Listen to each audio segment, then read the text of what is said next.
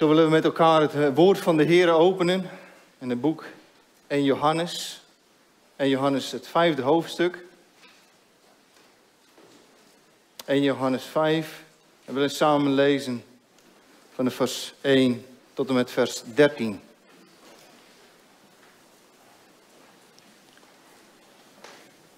En Johannes 5, vers 1 tot en met 13. Ieder die gelooft dat Jezus de Christus is, is uit God geboren. En ieder die Hem lief heeft, die geboren deed worden, heeft ook lief wie het Hem geboren is. Hieraan weten wij dat we de kinderen van God lief hebben, wanneer we God lief hebben en Zijn geboden bewaren. Want dit is de liefde tot God, dat wij Zijn geboden in acht nemen. En Zijn geboden zijn geen zware last. Want al wat het God geboren is, overwint de wereld. En dit is de overwinning die de wereld overwonnen heeft, ons geloof. Wie anders is het die de wereld overwint dan hij die gelooft dat Jezus de Zoon van God is? Hij is het die kwam door water en door bloed. Jezus, de Christus. Niet door water alleen, maar door water en bloed. En de geest is het die getuigt, omdat de geest de waarheid is. Want drie zijn er die getuigen in de hemel de Vader, het Woord en de Heilige Geest. En deze drie zijn één. En drie zijn er die getuigen op de aarde, de geest, het water en het bloed. En deze drie zijn één. Als we het getuigenis van de mens aannemen, het getuigenis van God is groter. Want dit is een getuigenis van God, dat Hij van zijn Zoon getuigd heeft. Wie gelooft in de Zoon van God, heeft een getuigenis in zichzelf. Wie God niet gelooft, heeft hem tot een leugenaar gemaakt, omdat hij niet geloofd heeft in een getuigenis dat God van zijn zoon getuigd heeft. En dit is het getuigenis, namelijk dat God ons het eeuwige leven gegeven heeft. En dit leven is in zijn zoon. Wie de zoon heeft, heeft het leven. Wie de zoon van God niet heeft, heeft het leven niet. Deze dingen heb ik aan u geschreven, die gelooft in de naam van de Zoon van God, omdat u weet dat u het eeuwige leven hebt. En omdat u gelooft in de naam van de Zoon van God. Dat is zover de schriftlezing. En ik wil nog enkel moment van gebed nemen. Heren, we naderen zo tot u. We hebben uw woord gelezen. Heren, dan kan deze gedachte in ons opklemmen. Wie is in staat om het woord van de Heer te bedienen? En Heer, we danken u dat de kracht niet ligt in de spreker, maar dat de kracht ligt in uw woord. Heer, werk zo in ons midden, door uw woord en door uw geest. Amen. Ik zag voor de kinderen dat er op de achterkant van de liturgie mooie plaatjes getekend zijn van een kruis en van een hart. En dat telkens als eh, de woorden geloof of liefde voorbij komen, dat jullie dat in mogen kleuren. Nou, ik hoop dat eigenlijk het blaadje misschien uh, wat te klein zal zijn. Ik weet niet precies, ik heb niet geteld van tevoren, dus het is ook voor mij een verrassing. Maar ik hoop dat je het helpt om mee te kunnen luisteren. En vanmorgen de titel van de preek is, het thema van de preek, de vrucht van het geloof. En als we het boek 1 Johannes lezen, dan zien we als het ware dat verschillende onderwerpen meerdere keren voorbij komen. Verschillende onderwerpen, onder andere het onderwerp van de liefde, eh, waar Johannes meermalen over spreekt. En ik zie het zo als een, als een kleed dat geweven is. En af en toe komt de draad weer naar boven toe, dan zien we weer dat hij spreekt over dat ene onderwerp. Maar alles bij elkaar zien we dat prachtig mooi geweven kleed. En de onderwerpen die telkens weer naar voren te komen, die helpen ook ons wanneer we door zo'n brief heen lezen, om deze dingen aan, ons, uh, aan onze gedachten te brengen. En dat we deze dingen ook in ons opslaan. We weten dat de, de, vandaag de dag de reclame, die doet heel goed zijn werk door herhaling. En dat we telkens opnieuw dingen zien, waardoor we ook de dingen zullen herinneren. Goed, de Heer gebruikt het nog sterker in zijn woord, door dingen te herhalen. En Spurgeon zei het terecht. Een Bijbel in de geheugen is beter dan een Bijbel op de boekenkast. Maar we zien hier dat de verschillende draden als het ware bij elkaar komen. En we willen de, de drie, door drie elementen heen gaan. Dat is ten eerste het geloof dat de wereld overwint, vers 1 tot 5. Dan vers 6 tot 11, Gods volmaakte getuigenis. En als laatste eigenlijk ook als conclusie, het geloof in Christus brengt het eeuwige leven, vers 12 en vers 13. En hij begint met deze woorden, ieder die gelooft dat Jezus de Christus is, is uit God geboren. En ieder die hem lief heeft, die geboren deed worden, heeft ook lief wie uit hem geboren is. En Johannes, hij stelt als het ware heel duidelijke kaders. En hij gebruikt voortdurend ook die woorden, ieder die. En vers 3, eh, hoofdstuk 3, vers 3. Ieder die deze hoop heeft. Of hoofdstuk 4, vers 15. Ieder die hem beleidt. Of de negatieve, ieder die de zonde doet en in die zonde blijft. Of een ieder die in hem blijft. We zien er ook als het ware die absolute scheiding tussen hen die in de Heer Jezus Christus zijn. Hen die geborgen zijn. Hen die de relatie, de persoonlijke relatie met de Heer Jezus Christus hebben. En hen die daar buiten staan. En we zien door het boek van Johannes heen dat hij verschillende testen als het ware ons geeft. Om ons geloof als het ware te, te testen. En deze ultieme test gaat over het ware geloof. En wanneer we spreken over het geloof, dan kunnen we ook zien dat ons geloof ook bepaalde kenmerken met zich meedraagt. En dat wij ons geloof als het ware ook kunnen toetsen. Sta ik in het ware geloof? En we zien dat ons geloof ook vruchten voortbrengt. Hij spreekt hier in dit gedeelte over uit God geboren zijn. En dit is een van die draden die als het ware meermalen naar voren komt. De geboorte uit God.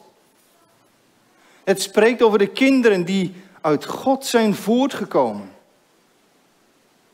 En we zien als het ware alleen al in dit eerste vers dat het woord geboren zijn driemaal voorkomt.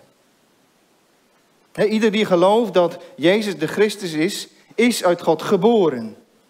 Ieder die hem lief heeft, die geboren deed worden, heeft ook lief wie uit hem geboren is. En wanneer we spreken over de geboorte, dan moeten we allemaal beleiden dat wij daar zelf niets, maar dan ook echt niets aan hebben kunnen toevoegen. Niemand kan zeggen dat hij uit eigen kracht geboren is. Niemand kan zeggen dat hij uit eigen initiatief is voortgekomen. Maar hier is het beeld dat we geboren zijn uit God, uit Hem. Door zijn Heilige Geest. En dit is een geboorte die van een totaal andere orde is dan de natuurlijke geboorte. En deze geboorte draagt ook mee, wanneer we geboren zijn uit onze natuurlijke geboorte, dat we een bepaalde natuur meekrijgen. En zo is het ook wanneer we uit God geboren zijn, dragen we zijn natuur. En dat is volkomen uit God. We herinneren misschien wel dat Petrus bij de Heer Jezus zit. Dat de Heer Jezus hem vraagt. Wie, zegt, wie zeggen de mensen dat ik ben?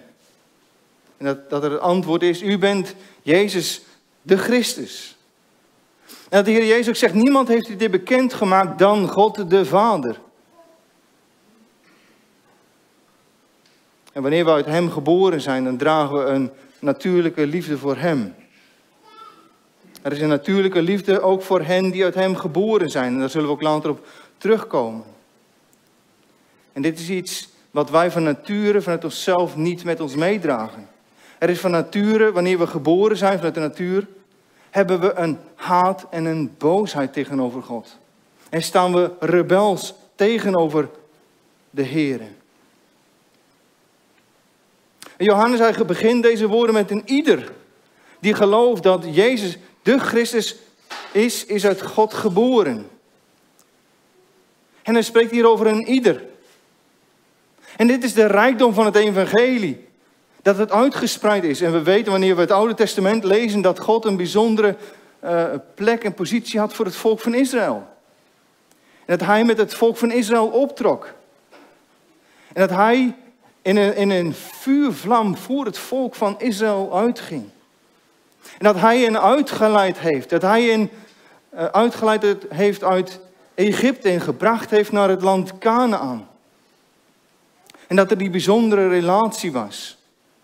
En dat er een weg was om tot Hem te komen. Maar we zien dat in het Nieuwe Testament toen de Heer Jezus kwam en Hij zijn leven gaf.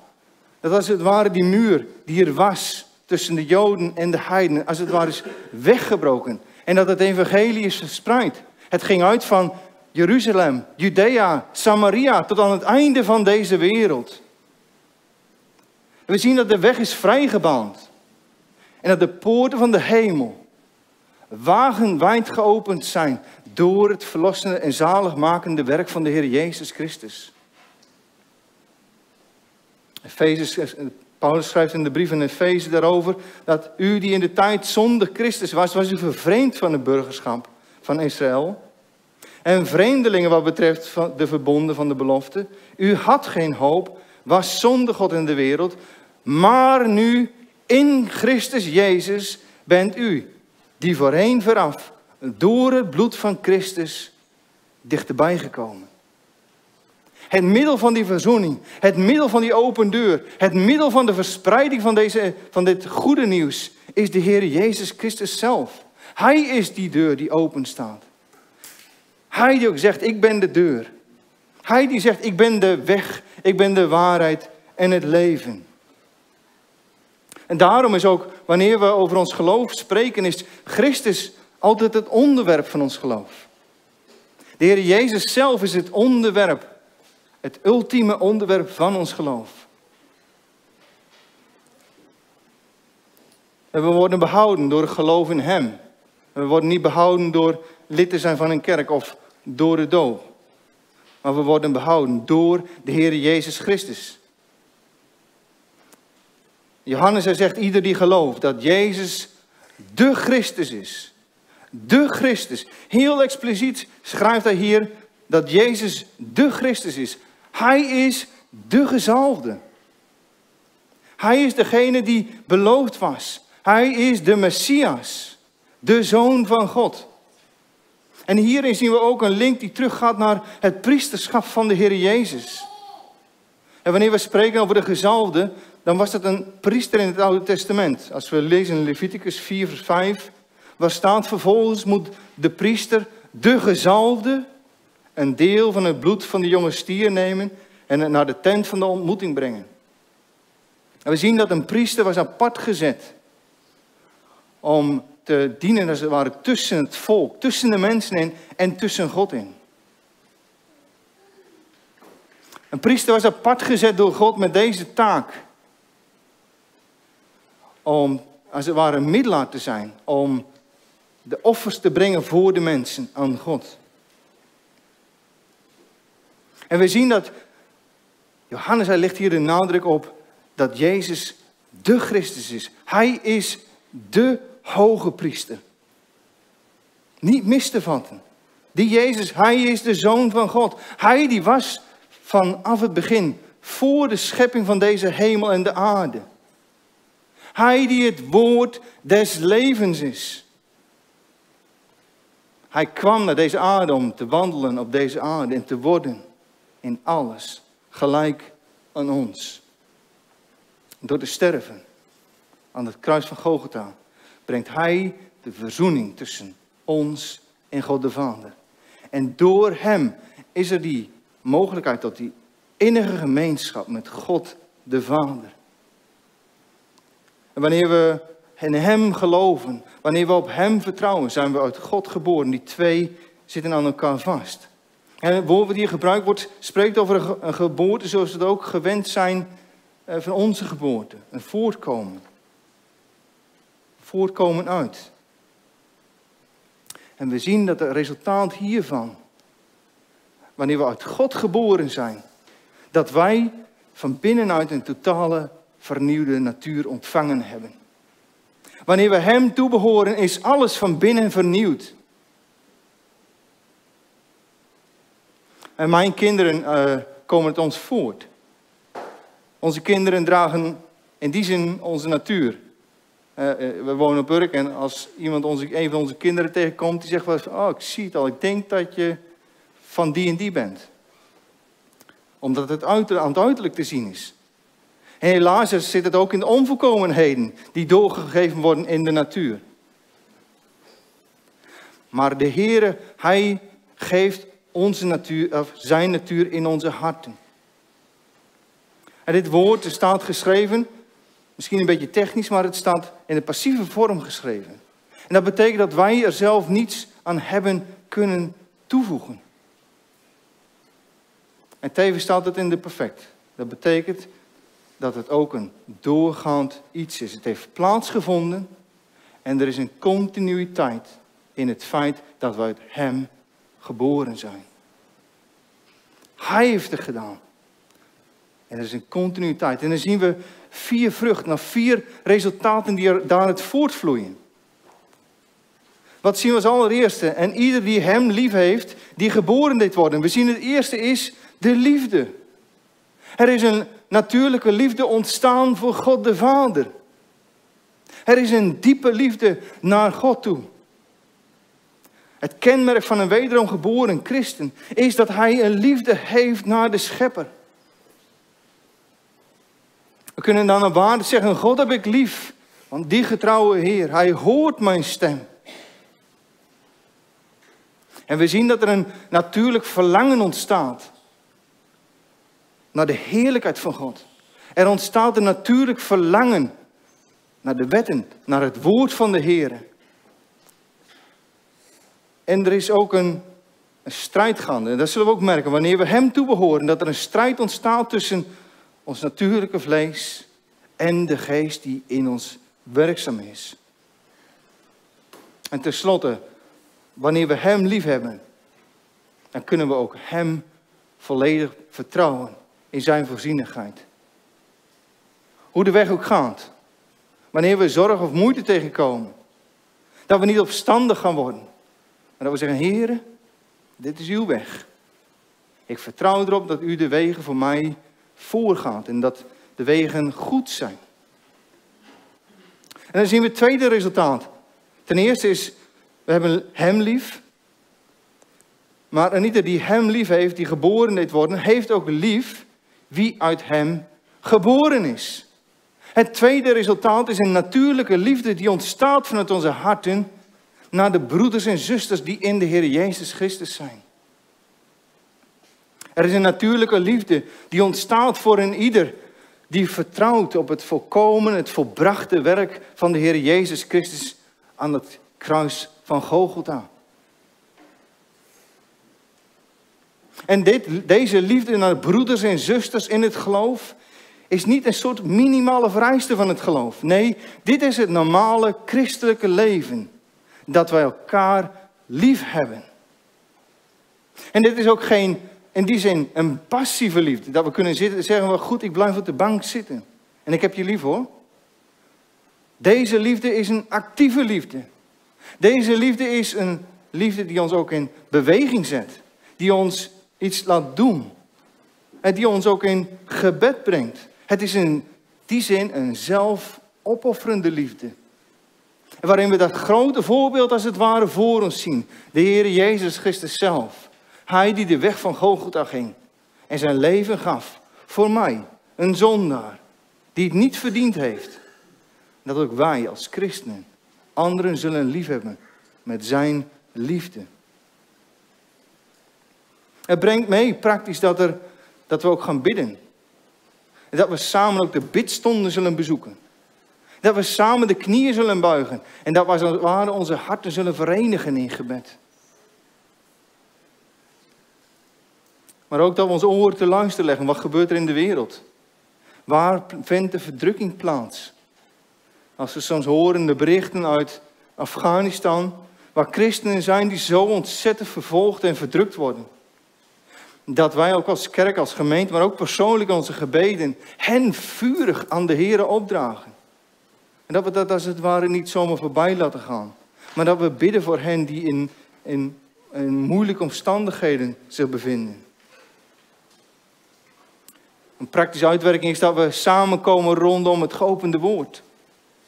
Dat we het verlangen hebben om ook samen te kunnen zingen, onze stem te kunnen verheffen en om Hem groot te kunnen maken en zo onze liefde uiting te kunnen geven aan God de Vader en aan Jezus Christus, zijn Zoon. En zijn liefde die gaat uit uiteindelijk naar de fellowship, de gemeenschap met elkaar. Een van de grootste kenmerken wanneer iemand uit God geboren is, is een liefde. En als het ware een onnatuurlijke liefde. Johannes 5, vers 2 zegt: Hieraan weten wij dat wij de kinderen van God lief hebben.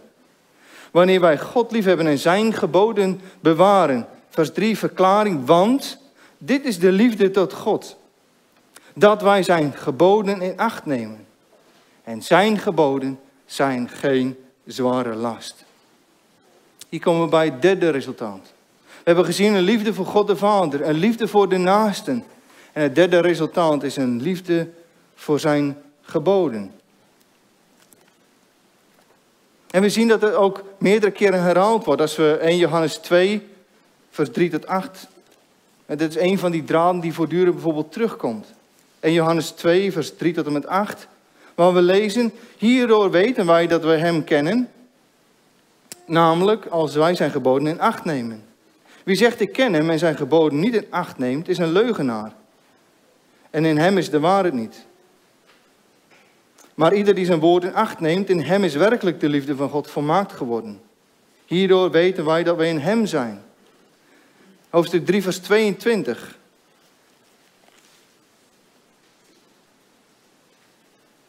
Daar staat, en wat wij ook maar bidden, ontvangen wij van hem, omdat wij zijn geboden in acht nemen. En doen wat hem wel gevallig is. Of hoofdstuk 4, vers 21, waar het over hetzelfde staat. En dit gebod hebben wij van hem. Hetzelfde woord met het gebod van hem. Dat wie God lief heeft, ook zijn broeder moet liefhebben. En we zien ook keer op keer dat deze dingen ook herhaald worden. En dit is een eenvoudig kenmerk van iemand die uit God geboren is. We kunnen ons daarmee ook beproeven en testen. Ben ik in de geloof? Heb ik inderdaad een liefde voor de Heer en voor zijn woord en voor zijn wetten? Het moet een, een natuurlijke drang zijn om naar zijn woord te leven. Een natuurlijke drang om te leven zoals hij dat van ons vraagt. Een natuurlijke drang wanneer we misschien wel de weg van ongeloof op zijn gegaan. Of dat we tegen zijn wetten in zijn gegaan, maar dat we ons omkeren en terugkeren naar de Heer. Een natuurlijke drang. Eigenlijk een onnatuurlijke drang die ons natuur gaat worden om zijn woord te lezen. En het hoofdpunt is dit. Wanneer we uit God geboren zijn, is er een algehele vernieuwing.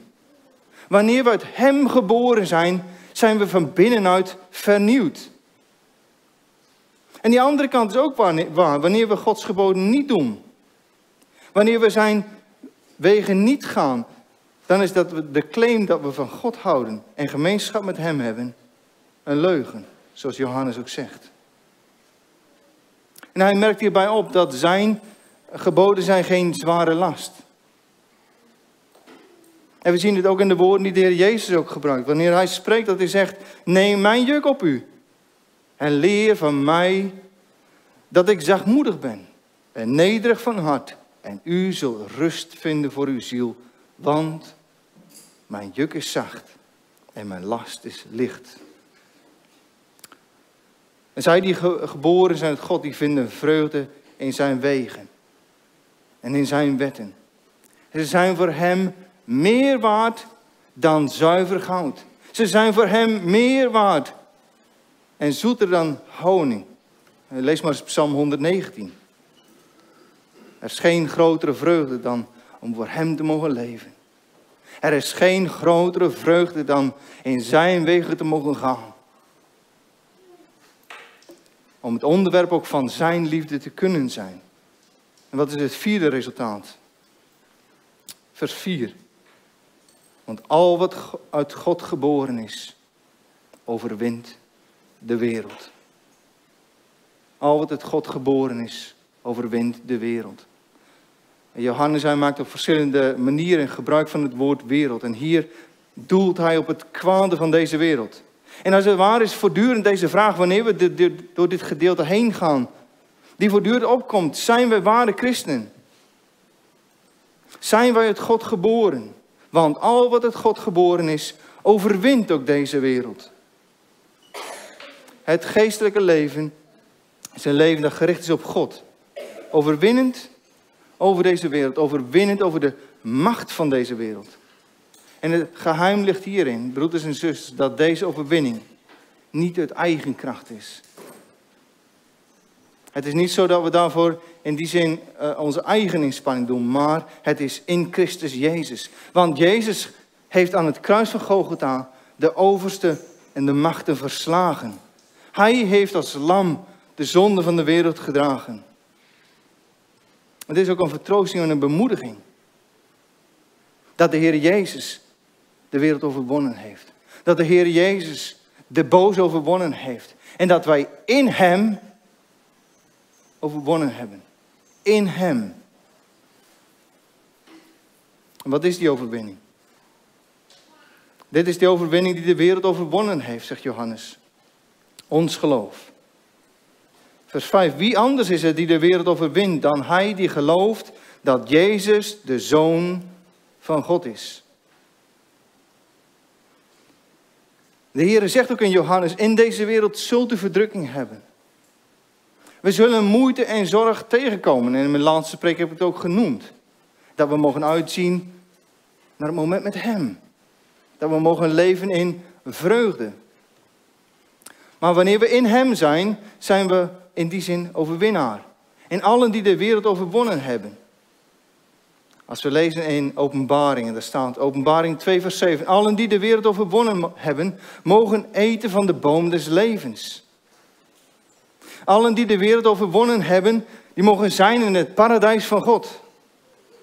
Openbaring 2 vers 11. Zij die overwonnen hebben, zij zullen de tweede dood niet sterven. Zij die de wereld overwonnen hebben, zij mogen het verborgen manna eten. Openbaringen 2 vers 26. Zij hebben macht over de heidevolken.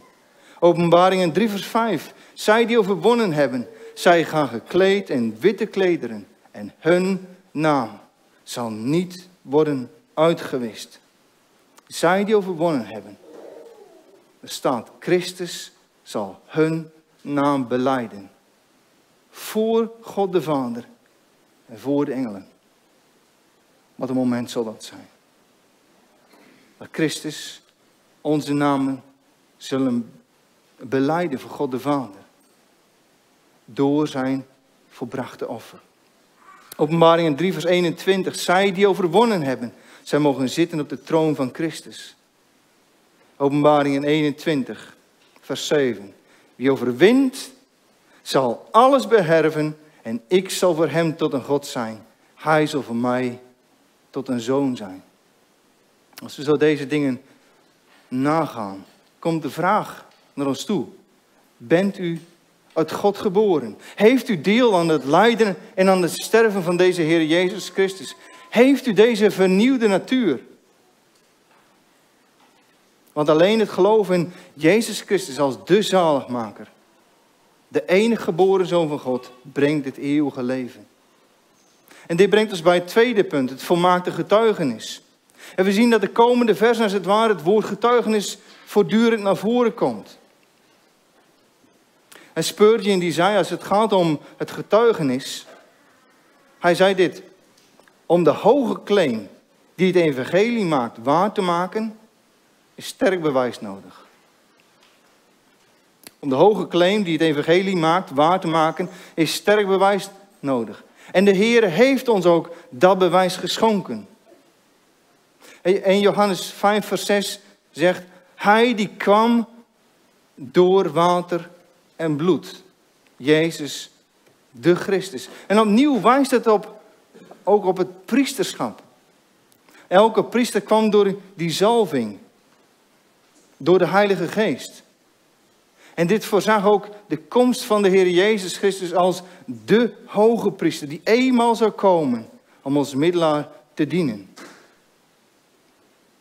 En we zien dat in het Oude Testament de priesters hadden vaak rituele wassingen. Ze moesten gewassen worden. En niet zozeer om het feit dat ze vuil waren door het zand of dat het iets te maken had met het uiterlijke. Maar dit stond symbolisch voor het feit dat zij niet in staat waren uit zichzelf te kunnen naderen tot een heilig, heilig, heilig God. Deze Jezus, hij kwam ook door water en door bloed. En sommigen leggen hiermee de link naar het kruis van Gogolta.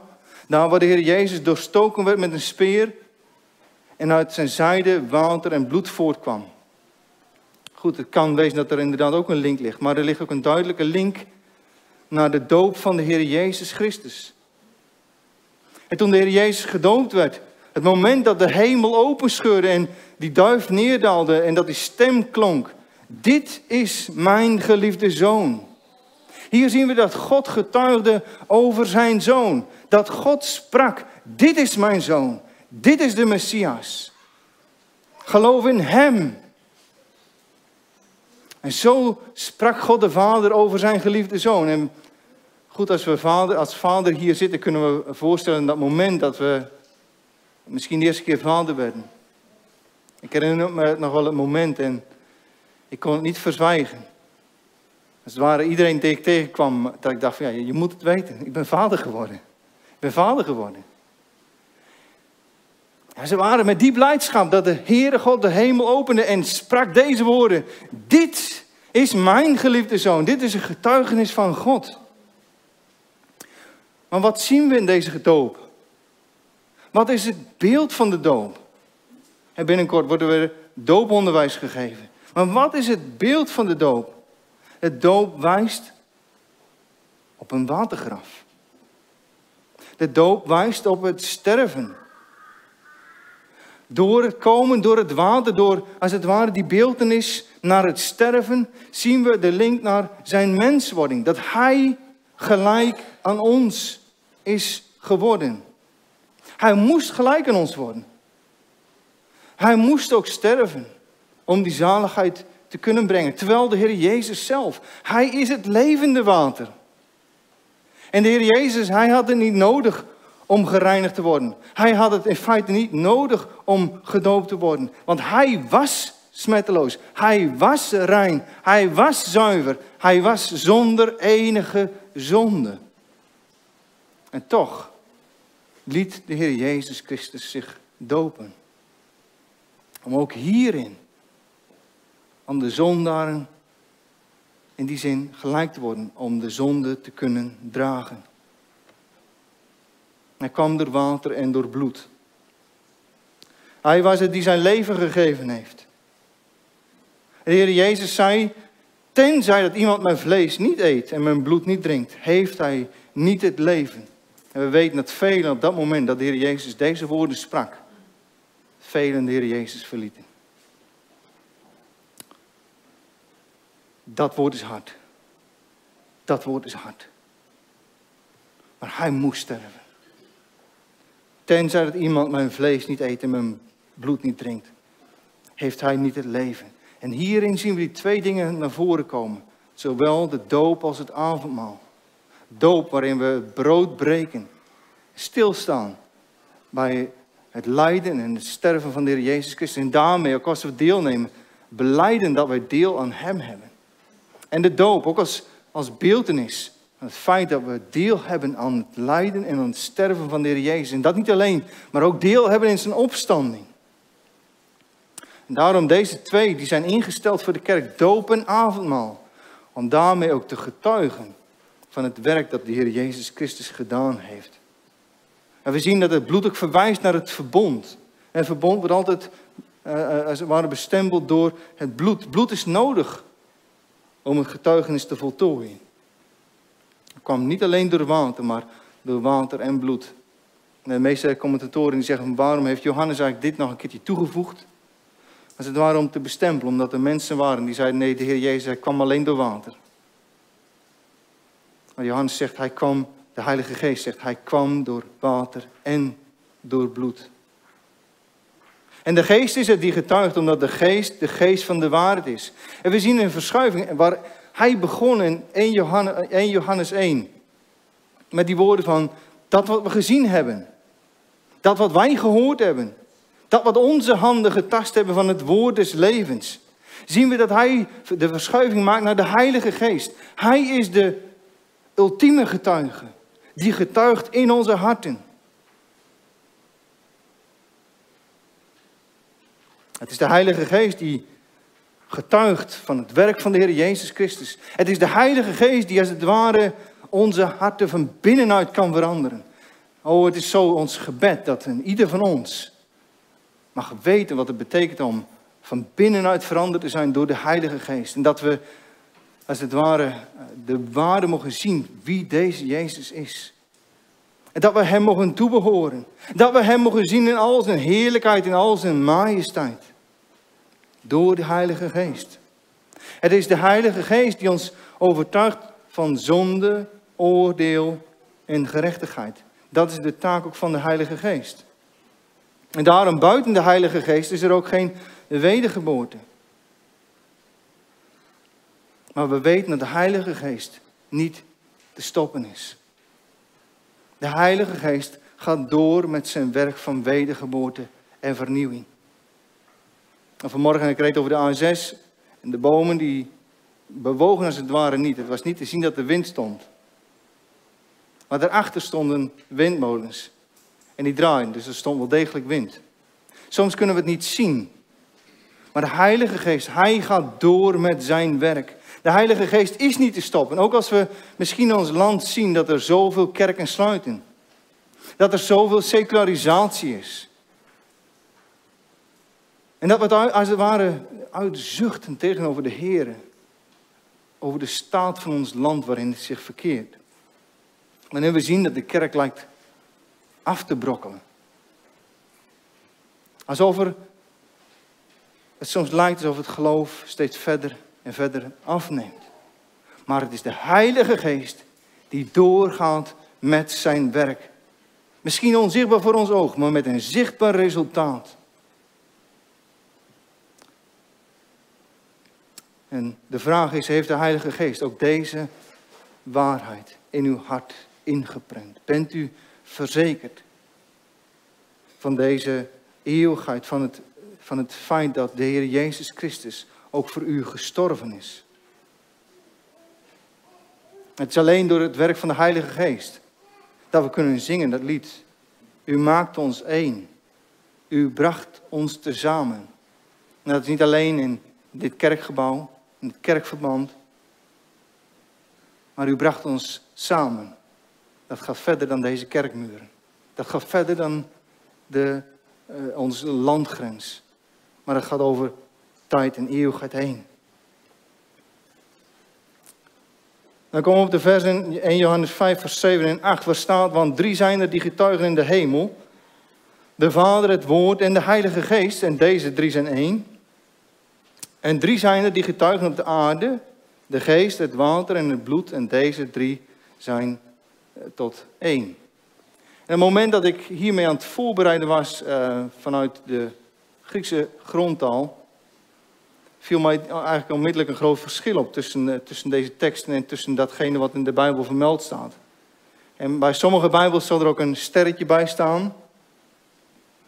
En met name in Engeland, de IS4-vertaling is volgens mij ook weggelaten, of in ieder geval de originele vertaling neergezet. Het heeft ermee te maken met hoe de schrift is samengesteld. Want deze twee versen, op deze wijze, komen namelijk niet in de manuscripten voor voor de tiende eeuw na Christus. Alleen in acht latere manuscripten, ehm, waarvan er vier deze woorden in de zijlijn staan toegevoegd. Maar wat staat er dan wel? Er staan deze dingen. In Johannes 5, vers 7 staat, want Drie zijn er die getuigen. Vers 8. De geest, het water en het bloed. En deze drie zijn één. En uiteraard is datgene wat er in, in onze Bijbel staat waarheid. Het neemt niet weg dat het geen waarheid is. We moeten er altijd wel voorzichtig mee zijn met, om daar het punt mee te maken. Bijvoorbeeld, als er een Jehovah-getuige aan de deur komt, kunnen we misschien wel zeggen, het staat hier. Want deze drie zijn getuigen in de hemel, de Vader, het Woord en de Heilige Geest. Drie eenheid. Maar een Jehovah-getuige zal onmiddellijk daarop wijzen dat het niet in de eerste manuscripten voortkomt. En neem niet weg dat het geen waarheid is. Want het is volkomen de waarheid. Maar er staat dus, want deze drie zijn er die getuigen de geest, het water en het bloed. En deze drie zijn één. Het is het drievoudige getuigenis. Het is de Heilige Geest, de geest van de waarheid en het water en het bloed. Door zijn doop en door zijn sterven. Vers 9. Als we het getuigenis van de mensen aannemen, het getuigenis van God is groter. En hoe snel zijn we niet bereid om iets van andere mensen aan te nemen? En vaak zelfs als het gaat om elementaire feiten of elementaire fundamentele dingen. Echter, Gods woord is veel meer. Gods getuigenis is veel meer. Jezus Christus is veel meer. En de Heer Jezus Christus is Gods volmaakte getuigenis. En het feit dat God van zijn zoon getuigd heeft. En Johannes 5, vers 10 zegt: Wie gelooft in de zoon van God, heeft de getuigenis in zichzelf. Geloven in Christus is een overtuigend vertrouwen. Wat God spreekt over zijn zoon, in zijn zoon en door zijn zoon. En wie God niet gelooft, heeft hem tot een leugenaar gemaakt, omdat hij niet geloofd heeft het getuigenis dat God van zijn zoon getuigd heeft. Er staat geschreven, God is geen man dat hij liegen zou. Of een mensenkind dat hij ergens berouw over zou hebben. En we zien dat Christus, hij getuigde van God de Vader. En God de Vader getuigde van de Heer Jezus Christus. En daarom, wanneer we het getuigenis van God afwijzen, wanneer we het getuigenis van God afwijzen, is dat een grote godslastering. We maken daarmee Hem tot een leugenaar. En we zeggen dat Hij niet de waarheid spreekt. Wanneer we de Heer Jezus Christus afwijzen als de Zoon van God, maken we Hem tot een leugenaar. En is dat de grootste, ultieme vorm van godslastering.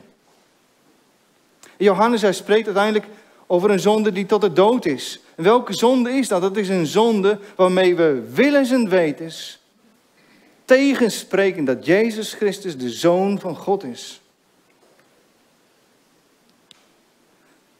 Wanneer we willens en wetens tegen de getuigenis van God ingaan. Wanneer we willens en wetens ons omkeren en afkeren van deze Jezus. Hoe verschrikkelijk is het straks. Wanneer mensen voor zijn troon zullen naderen. En zullen moeten erkennen. Ik heb het getuigenis verworpen van u. Ik heb me afgekeerd van het feit dat u uw zoon heeft gegeven. Gods woord zegt ook, verschrikkelijk is het om te vallen in de handen van een toorn God. Wanneer iemand zegt, ik heb niet geloofd, ik heb niet vertrouwd op het feit dat u de weg tot zaligheid heeft gegeven in de Heer Jezus. Het brengt ons op het laatste punt, het eeuwige leven, vers 12 en 13. We zien als het ware al die lijnen die ook bij elkaar komen. We zien als het ware een soort conclusie ook ontstaan. En we zien die duidelijke scheiding tussen leven en dood. Een scheiding tussen een leven met Hem en een leven zonder Hem. Luister hoe Johannes dit onder woorden brengt. Vers 12. Wie de zoon heeft, heeft het leven. Maar wie de zoon van God niet heeft, heeft het leven niet. En dit vers laat geen onduidelijkheid over. Ze zeggen in het Engels wel, this is plain. Het is helder. Dit kan iedereen begrijpen. Nadat Johannes verschillende thema's dat op de diepte heeft uitgelegd, komt hij ook tot deze conclusie. Wie de zoon heeft, die heeft het eeuwige leven. Of je behoort God toe en je bent opnieuw geboren, je bent uit God geboren en je hebt het eeuwige leven. Of je behoort hem niet toe en je ligt voor eeuwig verloren. En we zien dat de Bijbel geen enkele tussenweg leert. Er is geen tweede keus. Er is één weg tot het eeuwige leven. En dat is die ene volmaakte weg in de Heer Jezus. Hij is aangesteld tot een verzoening. Wie de zoon heeft, heeft het leven. En de natuurlijke vraag die er eigenlijk uit voortvloeit, opnieuw. Heeft u de zoon? Gelooft u in hem? Gelooft u dat in zijn lijden en sterven de deur naar de hemel wagenwijd is geopend? En dat u ook mag zingen, ja, ook voor mij. Ook voor mij. En weet u, die, die deur naar de hemel kan niet verder openen dan dat die al open staat. Die deur is volledig geopend in de Heer Jezus Christus. Ja, misschien zegt u, ja, maar die weg is smal. Ja, inderdaad, de weg is smal, de poort is smal, de deur is smal, maar hij is breed genoeg voor u. Geloof me dat maar. Hij is breed genoeg voor u. En weet u ook, als we het woord van de Heer lezen, dan zien we ook dat alles is volbracht. Alles is gedaan. Er hoeven niet nog meer dingen te gebeuren. We hoeven niet dingen toe te voegen. Dat we zeggen, goed, wij moeten misschien ook iets toevoegen aan onze eigen zaligheid. Of misschien dat we denken van ja, maar goed, hoe groot moet mijn geloof zijn? Ik moet toch wel die, als het ware, die sterke eik zijn. Maar geloof komt voort uit een klein mosterdzaadje, wat kan groeien tot die sterke boom.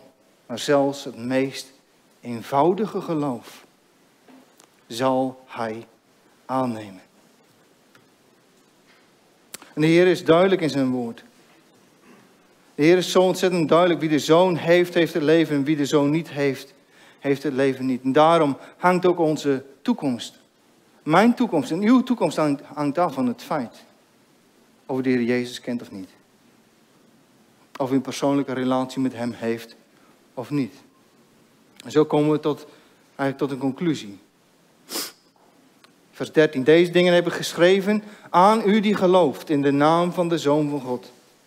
En dat is niet alleen dit laatste gedeelte waar we over gesproken hebben. Maar dit is de hele brief die hij schrijft. Met zijn algehele inhoud. De waarschuwing die hij geeft. De waarschuwing voor de antichrist. De waarschuwing aangaande valse leraren. Het feit over de liefde, de vruchten van het geloof. En hij heeft dit geschreven om de kerken en de gemeentes aan te moedigen. Om ons aan te sporen. Om vurig te zijn in ons geloof. En om verdiept te worden in ons geloof. En om te mogen groeien in ons geloof. hij schrijft hier als hoofdreden. Dit is de hoofdreden. Waarom heeft Johannes deze brief geschreven? Lees met me mee. Vers 13. Deze dingen heb ik geschreven aan u die gelooft in de naam van de Zoon van God. Opdat u weet dat u het eeuwige leven heeft. Opdat u weet. soms kunnen mensen worstelen met het feit, kan ik het zeker weten? Kan ik weten of ik in geloof ben? En dan kan er twijfel zijn. Johannes, schrijft deze brief. Opdat u weet. Opdat u weet wanneer we dit lezen, dat we die zekerheid in ons hart mogen hebben. En dat we Hem groot mogen maken. Opdat u weet en dat u ook hierin blijft. Dit is iets wat wij ook als gelovigen moeten horen.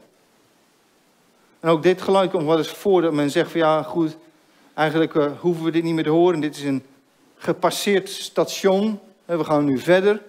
We willen andere dingen wil ik horen. Echter, wat komen we straks nog op terug. Wat zegt hij? Opdat u gelooft in de naam van de Zoon van God. Wat, wat doet Johannes hier? Hij zegt, hij heeft geschreven aan u die gelooft, opdat u gelooft. Hij schrijft aan u die gelooft, dus degene die al reeds geloven, opdat u gelooft. Wat bedoelt Johannes hiermee? Hij bedoelt hiermee dat we mogen groeien in de kennis van Hem. Dat we mogen toenemen in het kennen van Hem. En daarom ook deze woord. Het is niet zo dat, we dit, dat dit een gepasseerd station is. Dat we zeggen, goed oké, dit onderwijs hebben we gehad. En nu gaan we ons richten op andere zaken. Hij schrijft deze dingen aan u die gelooft, opdat u gelooft. En daarmee worden wij ook aangemoedigd om standvastig te blijven in ons geloof. En te blijven groeien. En dat we vreugde mogen vinden in de Heer Jezus Christus. Want Hij is onze ultieme vreugde. Hij is onze vreugde. En zo komen we tot een einde. Wanneer we dus opnieuw geboren zijn, uit God, dan dragen we deze nieuwe natuur. En dat betekent een radicale, volkomen verandering. Waarin we een liefde voor God hebben. Een liefde voor de naaste. En een liefde voor, bijzonder voor de christenen. En God heeft ons zijn zoon gegeven. Opdat een ieder die in hem gelooft, eeuwig leven heeft. Nogmaals eindig ik met deze vraag. Heeft u de zoon? Heeft u de zoon? Dan bent u voor eeuwig zalig. Heeft u het eeuwige leven? Zit u hier en weet u misschien wel in uw hart, ja, ik zit hier. Maar eigenlijk heb ik de zoon nog niet. Geef dan uw hart aan hem. Het is het meest eenvoudige geloof. Wanneer we in ons hart spreken, Heren, kom mijn ongeloof maar te hulp. Kom mijn ongeloof maar te hulp. En hij zal dat gebed beantwoorden. Amen.